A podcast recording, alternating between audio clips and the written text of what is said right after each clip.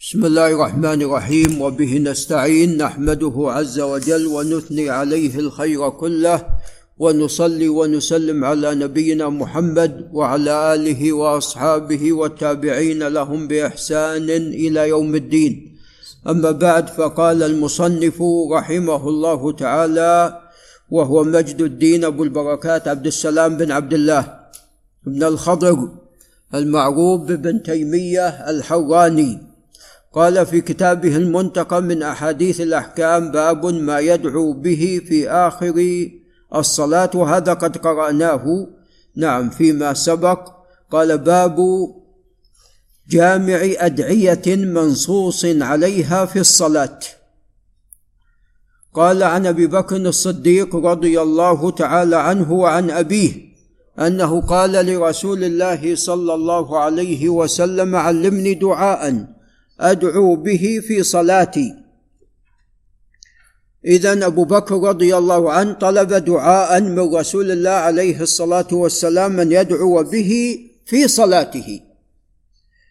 قال قل اللهم إني ظلمت نفسي ظلما كثيرا ولا يغفر الذنوب إلا أنت. ظلمت نفسي ظلما كثيرا أي بالمعاصي والذنوب.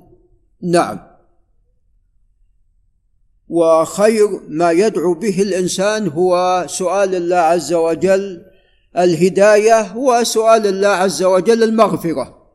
ولذا هنا نبينا عليه الصلاة والسلام علم الصديق رضي الله عنه أن يستغفر ربه فيقول اللهم إني ظلمت نفسي ظلما كثيرا وهذا اعتراف بالذنب. ثم قال ولا يغفر الذنوب إلا أنت. هذه الذنوب لا لا يمحوها أحد. لن يمحوها أحد إلا أنت. فاغفر لي. فهنا طلب من الله عز وجل بمغفرتها. فاغفر لي مغفرة من عندك. وارحمني مع المغفرة. اغفر الذنوب وارحمني. وإذا رحمتني أدخلتني ماذا؟ الجنة.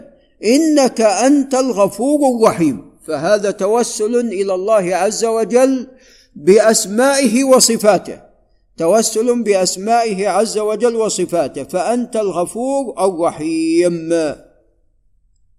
وفي رواية ظلما كبيرا بدل كثيرا متفق عليه.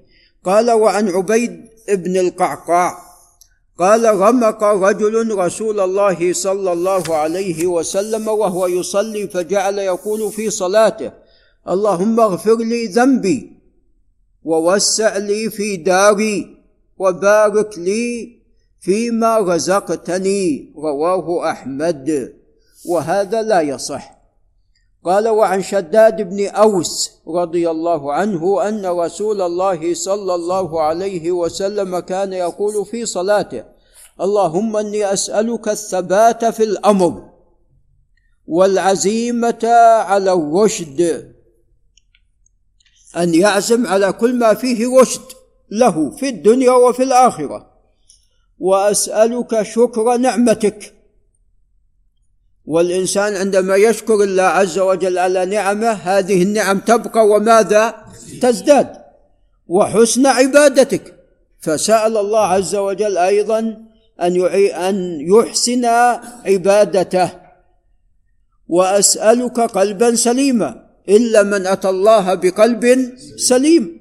نسأل الله أن يرزقنا وإياكم القلب السليم ولسانا صادقا. إذا قلب سليم ولسان صادق ما الذي بقي؟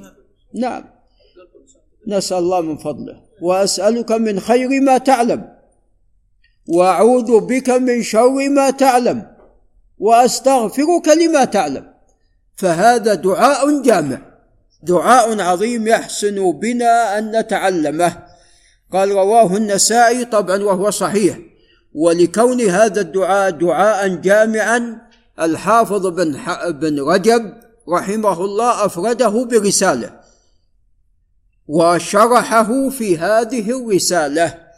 إذ وفي بعض الألفاظ إذا كنز الناس الذهب والفضة فاكنز هذا الدعاء.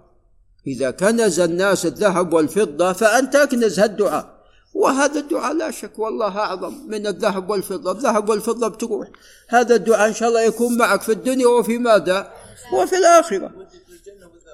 هذا هو خير الدنيا والآخرة.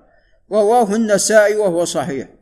قال وعن أبي هريرة رضي الله عنه أن رسول الله صلى الله عليه وسلم كان يقول في سجوده اللهم اغفر لي ذنبي كله. دقه وجله.